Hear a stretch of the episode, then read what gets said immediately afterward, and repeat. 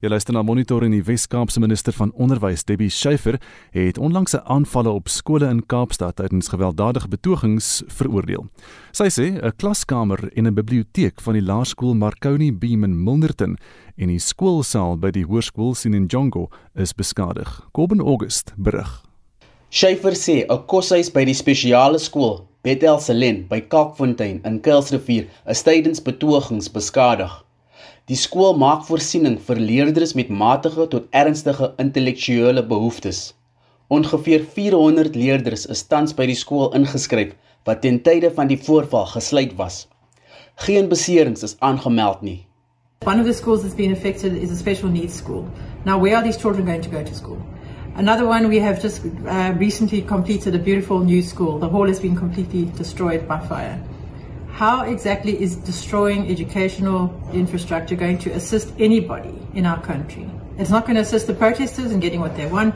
It's not going to assist our learners in securing for themselves a better future by getting a good education. Intussen sê die burgemeester van Kaapstad, Dan Plato, dat voortdurende grondbesettings 'n negatiewe impak op die ontwikkeling in die stad het. Dit volg op die wydverspreide grondgrype die afgelope paar weke. Die stad Kaapstad sê 'n gedeelte van die stad se 50 miljoen rand behuisingsontwikkelingsprojek in Khayelitsha is verlore weens onwettige grondbesetting.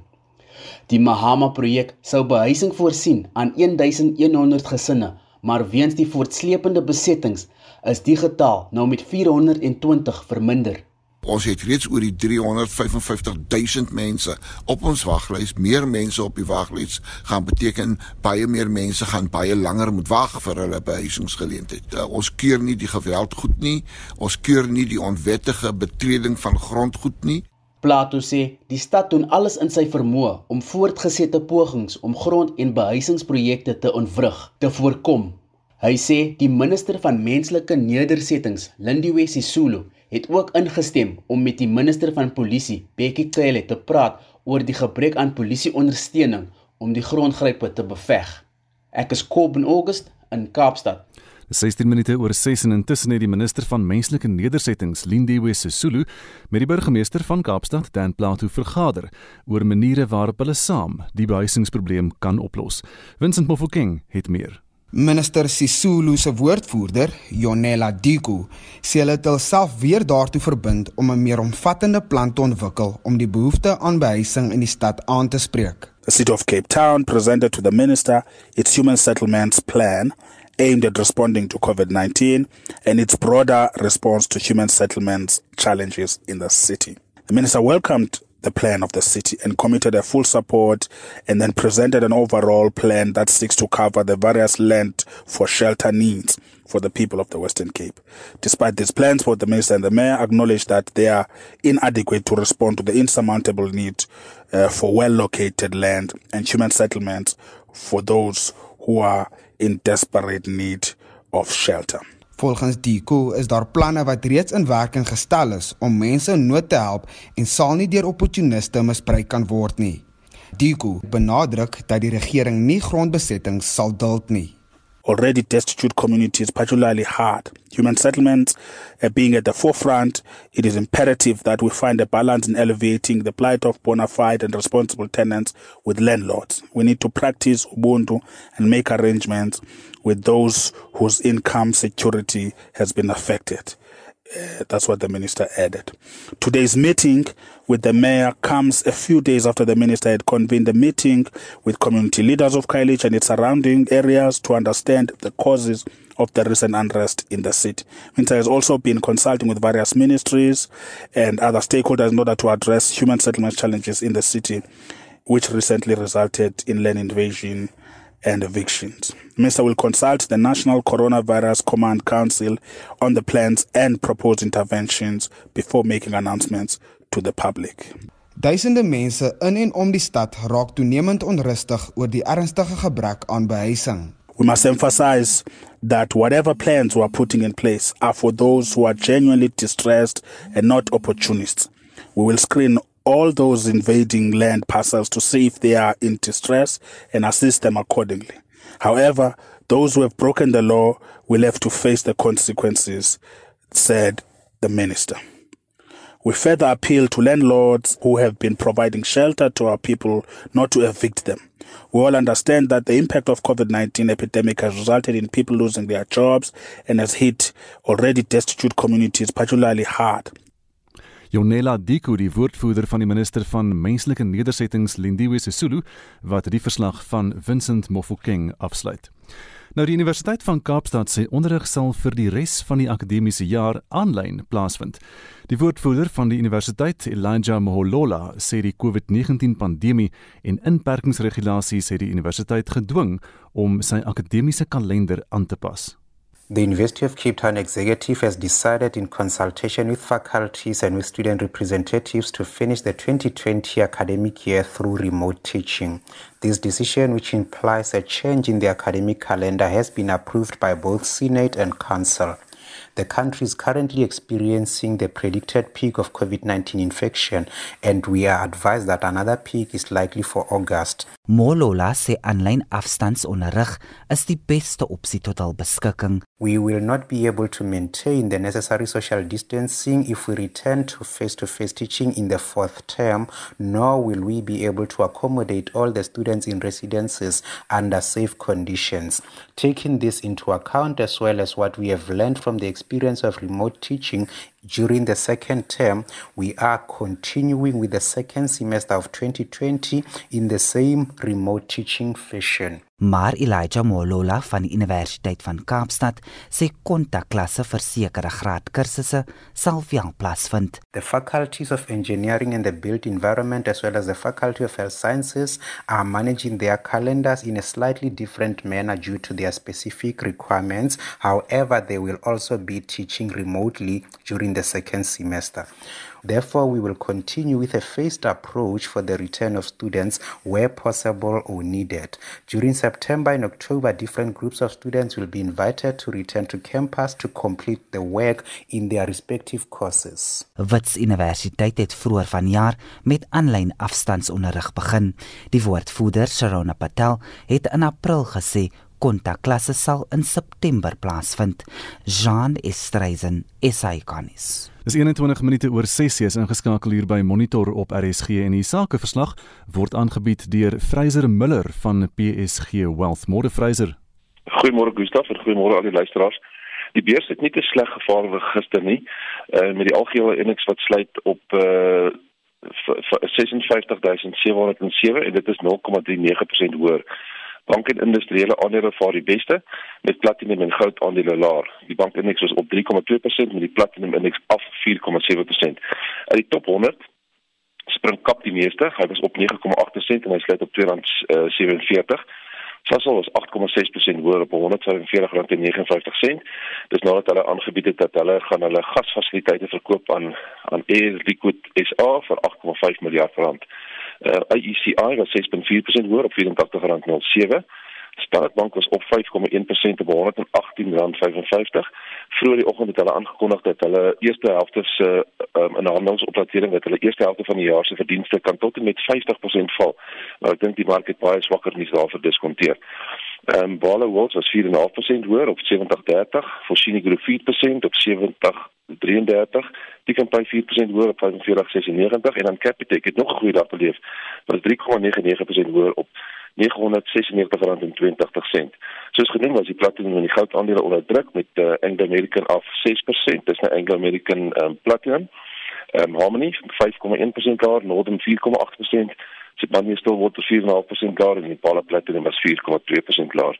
In Londen sluit die beurs ehm um, 0,04% hoër en dan in, in Europa was die Duitse mark 0,1% af, maar in, die, in Frankryk was die Franse mark 0,6% hoër.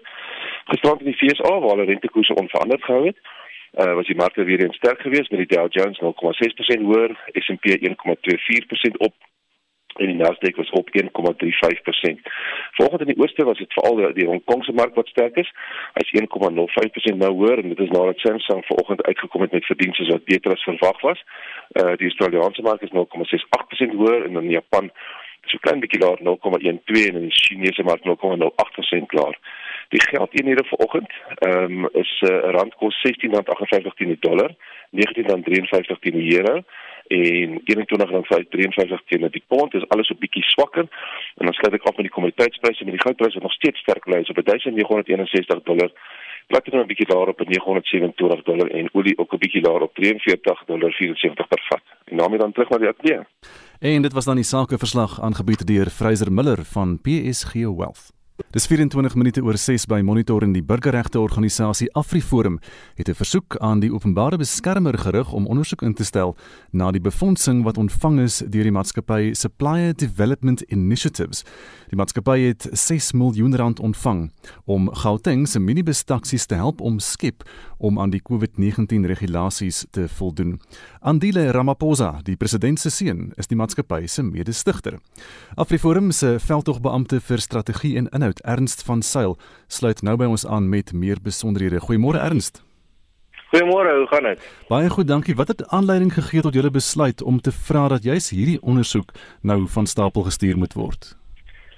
Ek dink dit is 'n uh, hele groot hoeveelheid faktore wat daarna aanleiding gegee het uh, met alles wat ons nou hierdie jaar gesien het met veral met uh, COVID-19 fondse wat gebyt word deur die regering.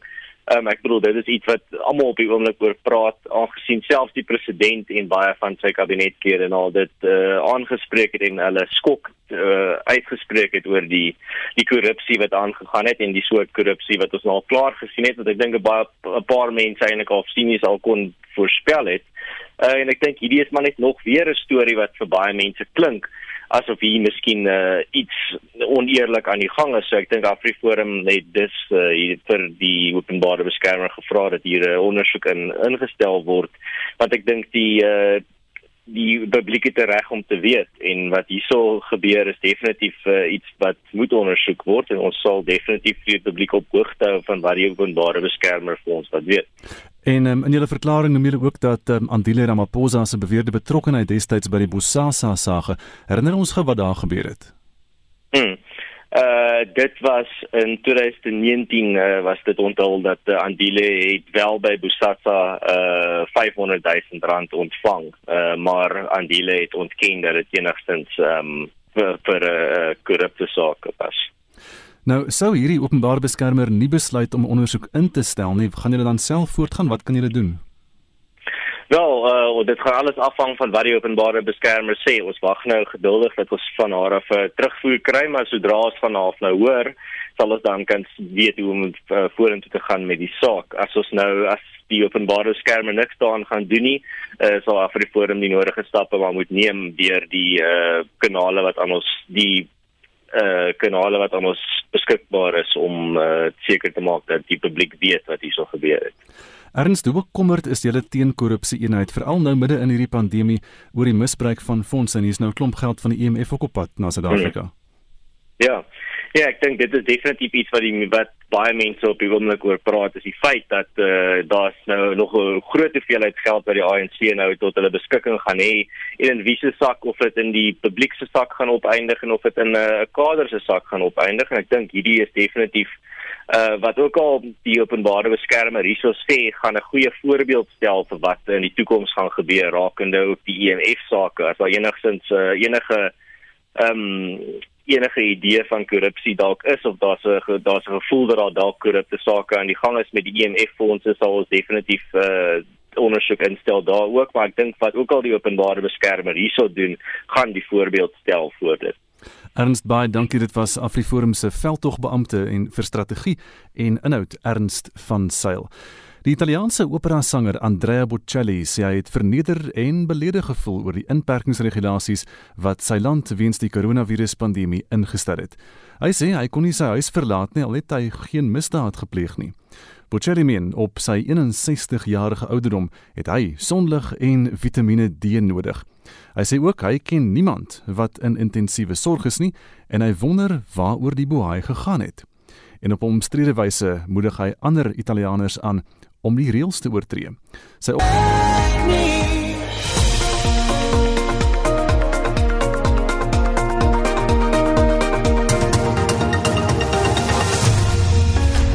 So pat na 25 minute voor 7 uur by Monitor op RSG en ons wil vanoggend by jou weet hoe gaan dit in jou munisipaliteit Vincent wat sê die mense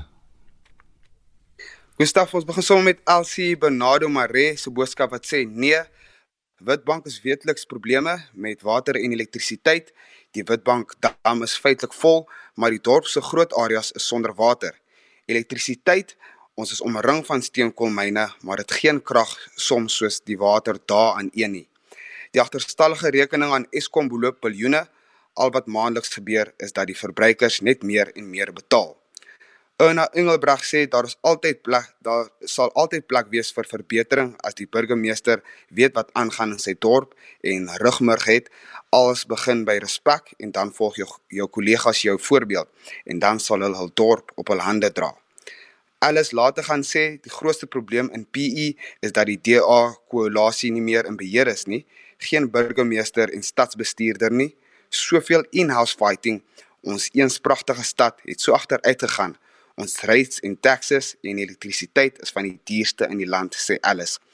Koos Groewe sê dit is tyd dat ons Barcelona se voorbeeld volg en 'n politieke party uit die bestuur van metros en munisipaliteite verwyder.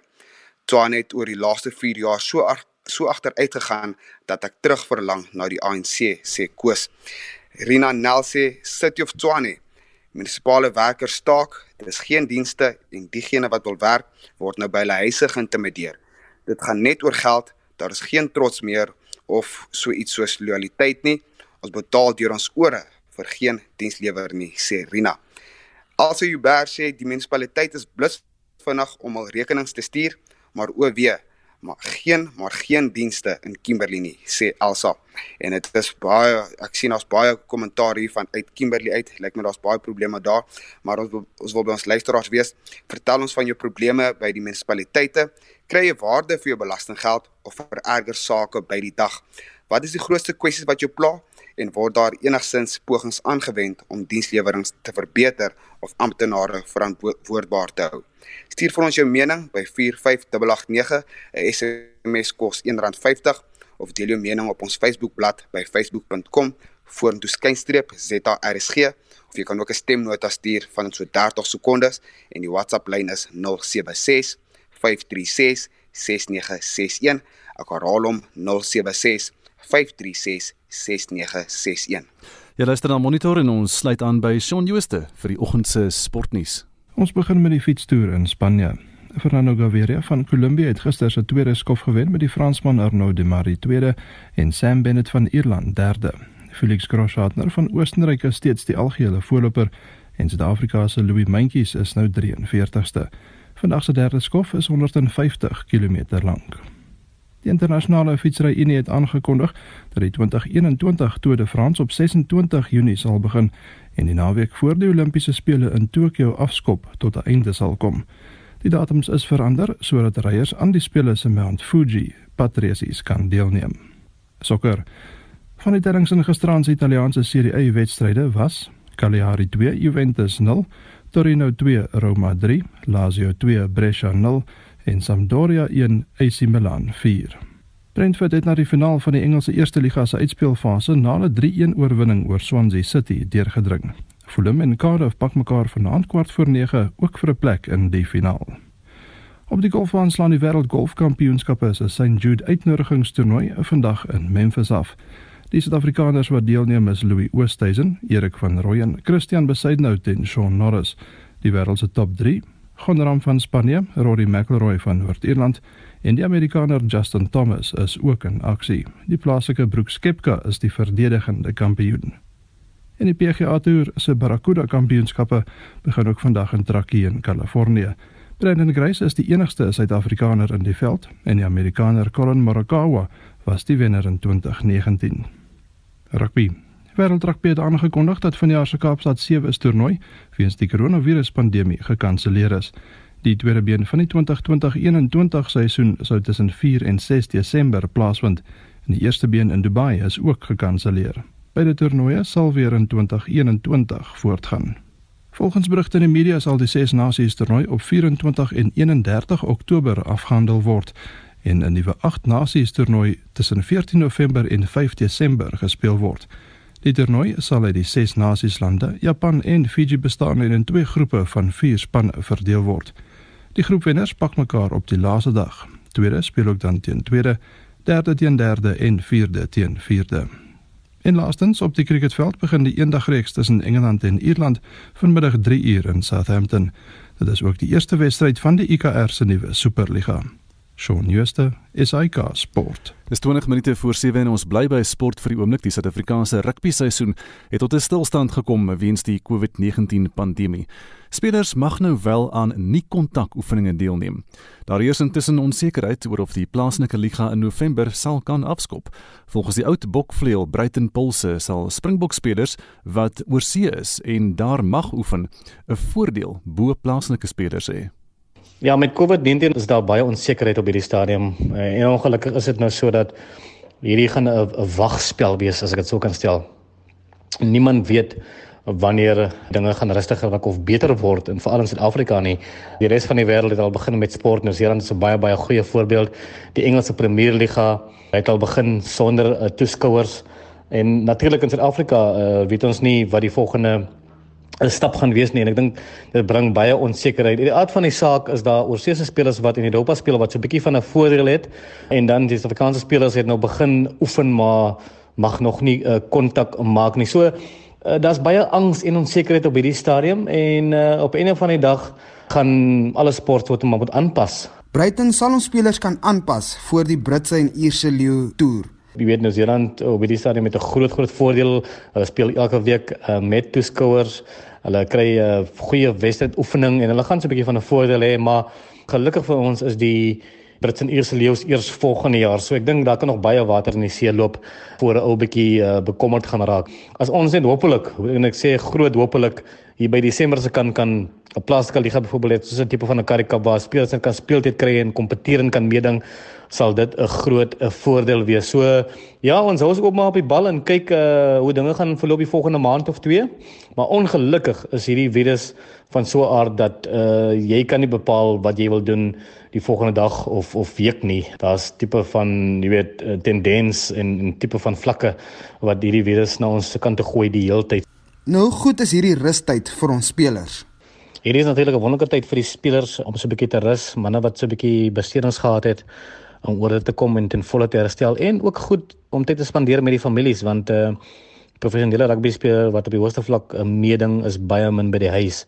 So van die geestelike en ehm um, die mental kant af is dit 'n groot groot positief. So wil dit gaan veroorsaak is dat die ouens gaan weer honger wees en lus wees vir rugby sou hulle terugkom veld toe want nou en dan kan jy so 'n bietjie geïrriteerd word met jou spanmaats omdat hulle so baie tyd saam uh, spandeer. So uh, van hy kant af gaan die ouens weer kan oorbegin, lekker uitgerus en en hopelik uh, gaan daar ook nie baie beserings in die toekoms wees nie. Uh, Verseker kan 'n paar van hulle spelers hulle loopbaan nou verlang met die inperking en hopelik ook uh, spelers wat hy volgende stap wil vat na die hoogste vlak toe ook 'n kans gaan gee wat vars gaan wees om om te beïndruk op watter vlak ook al. So um, ja, so baie dinge op hierdie stadium wat onsekerheid behels, maar kom ons op vir die beste en kom ons hoop rugby gaan weer gou terugkeer op die speelveld. En dit was die oud Springbok en Wêreldbeker wenner Bruiten Pulse wat met Vincent Mofokeng gepraat het. 17 minute voor 7 jy luister na Monitor op RSG en die Vryheidsfront Plus sê hulle kan nie verstaan waarom die regering die toewysing aan klein sake ontwikkeling in die aangepaste begroting verminder het nie. Die sektor speel 'n belangrike rol in werkskepping en het soveel hulp nodig as wat moontlik is. En ons praat nou met 'n VF+ lid van die Noordwes wetgewer Fanie De Tooy. Fanie, goeiemôre. Goeiemôre Gustaf. Hoeveel minder hulp is nou beskikbaar vir klein sake ondernemings soos jy dit verstaan? Gustaf, die uh, begroting is gesny met 67 miljoen rand en dit is van toepassing op administrasie, uh, sektorbeleid, geïntegreerde ontwikkeling en dan ook uh, besigheidsontwikkeling en uh, entrepreneurskap.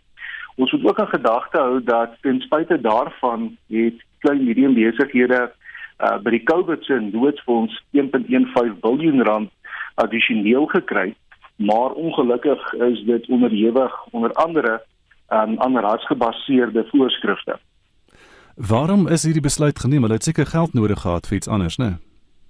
Ja, die aard van die saak is die geld rondgeskuif. Uh, van hierdie befondsing is geskuif na uh, byvoorbeeld uh, klein sake ontwikkeling in in, in nedersettings uh spaza winkels spesifiek swart besighede so dit is asof die regering daarop fokus om um, geld te skuif na uh, definitiewe swart gedeeltes van die ekonomie en ek dink dit vat hande met die regering se poging om die ekonomie te transformeer. Watter impak gaan hierdie besluit dan nou op klein sake ondernemings hê? Gustav vir die aard van die saak, ehm um, het dit 'n groot impak op klein sake ondernemings. Ons as ons kyk na die huidige stand van die ekonomie en die inkrimping wat deur die Reserwebank aangekondig is waar die ekonomie vanjaar reeds met 7.3% ingekrimp het en ons reeds op die oomblik met omtrent 3 miljoen addisionele werksverliese sit net as gevolg van die die COVID uh, situasie gaan daar minder jou belastingbasis gaan baie kleiner word. Uit die aard van die saak gaan daar dan minder geld beskikbaar wees aan die regering om uh, te spandeer in die land en om infrastruktuur te vestig en te bou. Van jy praat nou so van die COVID situasie. Hoe sou jy voorstel wat wat sou jou voorstel wees? Wat moet die regering maak om 'n omgewing te skep wat dit vir klein sake moontlik maak om te floreer na hierdie pandemie? Gustav die 4 plus ehm um, het nog altyd gesê dat uh, bergiede en drakoniese wetgewing so swart ekonomiese bemagtiging en regstellende aksie heeltemal geskraap moet word. Die rede daarvoor is dat uh dit voorkom asof geld basies net aan mense uitgedeel word en nie noodwendig bydra tot die opbou van die van die ekonomie. Uh ons moet kyk, daar is definitief veranderings wat wat na Covid of post-Covid bewerkstellig moet word om die in die, die, die departement moet nou reeds begin Hulle moet nou reeds begin werk aan sinvolle planne om entrepreneurs ehm um, te help om hierdie hervormingsprogram daarbey in te sluit. Um, en uit die aard van die saak moet alle besighede hulp kry om uh, werksekerheid in die land uh, te te verseker. Fanny Baai, dankie Fanny de Tooi is 'n Vryheidsfront Plus lid van die Noordwes wetgewer. Dis nou 13 minute voor 7 en nuwe regulasies wat deur president Cyril Ramaphosa bekragtig is, stel wetstoepassingsagentskappe in staat om toegang te kry tot bewysstukke wat deur die Zondo-kommissie verkry is en gebruik is dan. Die nasionale vervolgingsgesag het voorheen nie toegang tot hierdie inligting gehad nie. En vir meer hieroor praat ons nou met 'n regskenner verbonde aan die Universiteit van Pretoria, professor Llewellyn Kerloos. Llewellyn, goeiemôre. Goeiemôre, Gustaf. Hierdie word nou as 'n baie belangrike skuif beskou. Wat is die betekenis hiervan? Ja, nee, ek is nou nie so oortuig daarvan nie, maar kom ek sê vir jou hoekom. So 2 weke terug toe president Ramaphosa ons almal meegedeel het uh van die nuutste verwikkelinge rondom die skole, het hy ook verwys na die korrupsie uh en dit wat die regering van voornemens is om te doen rondom korrupsie. Jy sal onthou voor die Grendelstaat het hy ons beloof dat alle fondse en gelde rondom COVID-19 ehm uh, dat daar geen korrupsie daarin in verband daarmee sal sal wees nie. Uh en nou oor ons 6 maande later uh, dat ons uh, eintlik moet maatreëls kry en in werking stel om juist dit wat toe nou hy beloof het nie gaan gebeur nie, het toe nou gebeur om dit op te slaan. Nou jy sal weet dat korrupsie of staatskaping na my mening is eintlik maar niks anders as die terminale uh, kaping van Suid-Afrika nie. Dis 'n kanker wat ons het in ons samelewing en dit is wat my aanbetref die grondslag vir die uh jy weet uh, ons demokratiese ondergang in die toekoms as ons dit nie nou vasvat nie. Jy weet hy het ook gesê en dit is wat wat ek wil uitkom. Daar is min of meer 9 entiteite in die lewe geroep om nou saamgesnoer te word hier by die kantore van die finansiële uh, intelligensie sentrum om dan nou natuurlik hierna te kyk. Ehm um, in praktyk beteken dit niks anders as ons wat ons nou hierso sit met 'n min of meer 'n misvormde ehm um, lyk dit vir my seekat nie. Iets wat so min of meer 9 koppe het en 'n paar tentakels as jy my vra. En ons weet almal dat wat ons nodig het in Suid-Afrika is nie mense wat 'n klomp titels het, status en groot salarisse het nie, maar eintlik die tentakels. Met ander woorde, dit waar die werk doen, daardie persone wat die sleutelrolle vertolk om ondersoekwerk van stapel te stuur om die dinge voor die hof te kry hierdie korrupsie sake. En sedert 2007 November min of meer as ek my reg kan onthou, toe die Zuma era die ANC beraad in Polokwane die skerpioene afgeskaf het, het daar eintlik niks hoë profiel sake suksesvol in die land vervolg. Ehm um, het ons su suksesvolle vervolgings gesien nie. Inteendeel, ehm um, die een of twee witboortjie misdade, verwante misdade kan ons op ons enkele op ons een hand tel as jy my vra. Nou, ek is geen waarsêer nie.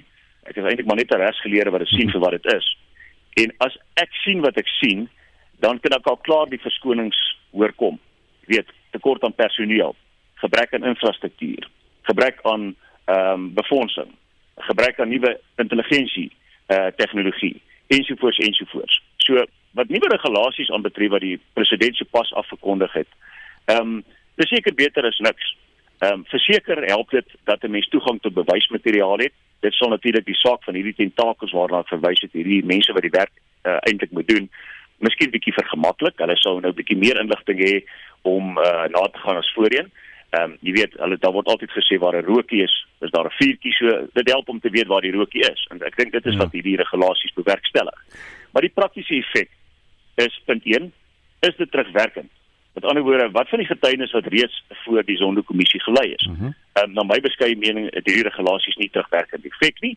Ehm um, derhalwe daardie getuienis wat voorheen en daardie bewysstukke wat voorheen voor die sondekommissie aangebied is, ehm um, is nie noodwendig eh uh, val natuurlik nie noodwendig onder hierdie eh uh, nie uitgereikte regulasies en effek daarvan nie. Tweedens, ehm um, die persone wat nog moet kom getuig in hierdie verrigtinge, gaan nou baie meer versigtig wees en dit wat hulle gaan kom sê en kwytraak hmm. voor die Kozonde kommissie want hulle weet en antisipeer dat wat ook al hulle sê in die bewysmateriaal wat daaruit voorkom moontlik later in ondersoekwerk um, gebruik gaan word. En dan natuurlik dis ongetoetste getuienis grootliks. Met ander woorde nie in alle gevalle het kruisondervraging plaasgevind nie. So wat is die werklike bewyswaarde van daardie getuienis en bewysmateriaal wat na vore gekom het? Ehm um, dit beteken nog lank nie nou dat ons gesien het dis moontlik ehm um, jy weet kan later gebruik word in hofsverrigtinge toelaatbaar in hof nie. Dis een ding om toegang tot inligting te kry. Dis 'n ander ding om daardie getuienis en bewysmateriaal fisies ingehandig te kry by 'n hof, met ander woorde toelaatbaar te kry. Dit word gereël deur die bewysreg van toekas se dae af van die gemeenereg af. Dit het niks te doen met die staatspresident se regulasies nie. So, ehm um, ek is nog nie so oortuig in my gemoed dat ons uh, werklik waar rond haar af gaan maak hierdeur nie. Maar weer eens, ek sê dit regtig dis beter as niks. Hoekom is hierdie regulasies nie vroeër geïmplementeer nie? Is dit nie logies dat hierdie agentskappe moet kan inligting uitruil nie? Ja, sien Gustaf, jy jy slaan die spyker op die kop. Mense verwag het dat daar moes geantisipeer word. Dat wat ook al uitkom in hierdie kommissies van ondersoek en veral ook in die staatskaping uh, uh ondersoek, sekerlik moet daardie getuienis later dalk in 'n hof opeindig op een of ander manier om hierdie mense voorstop te kry wat dan is alles self skuldig gemaak het aan korrupsie en mense sou gedink het dit moes van die begin af die standpunt gewees het. So dit is bietjie mosterd na die maal as jy my vra. Maar ja, weer eens uh, ek stem saam met daardie opmerking van jou. En wat sou 'n staatsaanklaer by die NVG nou moet maak as daar's nou so baie getuienis en bewyse wat reeds bymekaar gemaak is by die Zondo-kommissie? Hoe kies hulle nou wat hulle moet doen? Ja, dit bring my nou by hierdie nege entiteite wat ons nou saamgesnoer het. Ehm um, daar gaan vingers gewys word as jy my vra.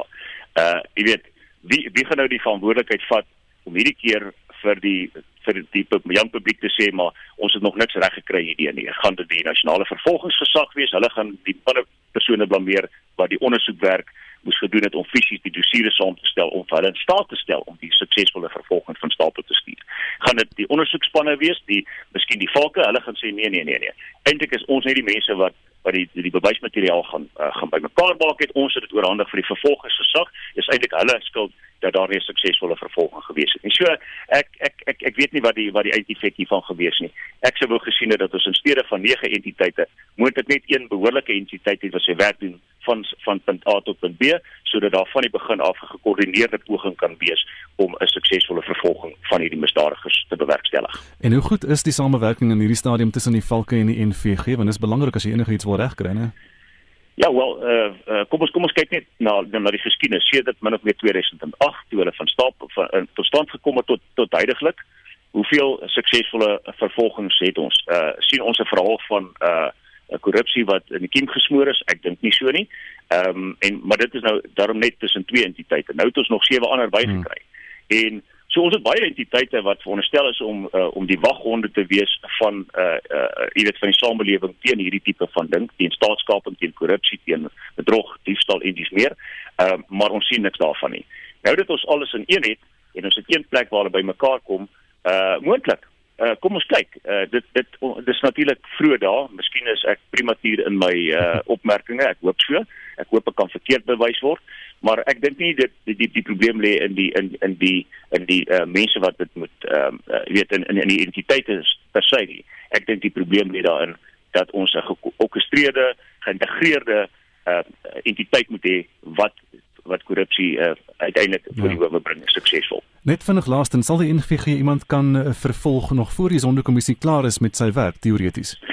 Dit is so, dit daar's geen probleem daarmee nie. Daar is geen beperking op die vervolgingsgesag ehm um, se inisiatief om te enige tyd 'n vervolging uh, uh, van stapel te stuur nie. In terme van die strafproseswet is daar min of meer in die meeste gevalle 'n 20 jaar verjaringstermyn vanaf die misdaad plaasgevind het totdat die vervolging dan nou voor die howe moet wees alvorens verjaring plaasvind. En dis die dis die algemene reël. Ehm um, met ander woorde daar's geen daar daar's da, genoeg tyd maar dit kan enige tyd ingestel word. Hulle hoef nie te wag vir die sondekommissie se finalisering nie. Ehm um, ek dink die beste kan van hulle kant af geargumenteer word dat ons wil sien wat se getuienis daar na vore kom, dat ons van daardie getuienis dan wil gebruik of miskien wil verder ondersoek navolg uh, om te sien of daar nie nog ander misdadigers wat ons kan identifiseer nie. Maar ek dink hulle het genoeg werk op hierdie stadium. Ehm um, hulle hoef nie te gaan soek vir nog misdadigers nie. Dit sal van self na vore tree beter tyd. Uh, kom ons vervolg net alreeds die wat ons het. Dit sal 'n goeie begin wees vir Jan publiek en vir die samelewing. Llewellyn Bey, dankie professor Llewellyn Kerloo is 'n regskenner verbonde aan die Universiteit van Pretoria. So 4 minute voor 7 vanoggend en Hildeblyke stroom steeds in na die dood van die Afrikaanse skrywer MM Walters op 90 jarige ouderdom by 'n versorgingsfasiliteit in Vishoek naby Kaapstad. Walters se eerste gedigte is in die letterkundige tydskrif Standpunte gepubliseer en het in 1967 in sy eerste bundel Kabala verskyn. Hy het daarvoor die Eugène Maree, Ingrid Jonker en W.A. Hofmeyer prys gewen.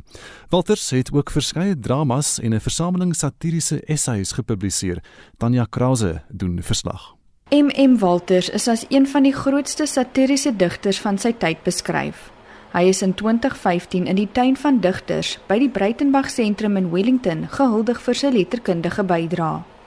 'n Mededigter, Dr. Daniel Higu, sê hy het eers Walter se werke op Stellenbosch Universiteit studeer, voor hy aan mekaar bekend gestel is en vriende geword het.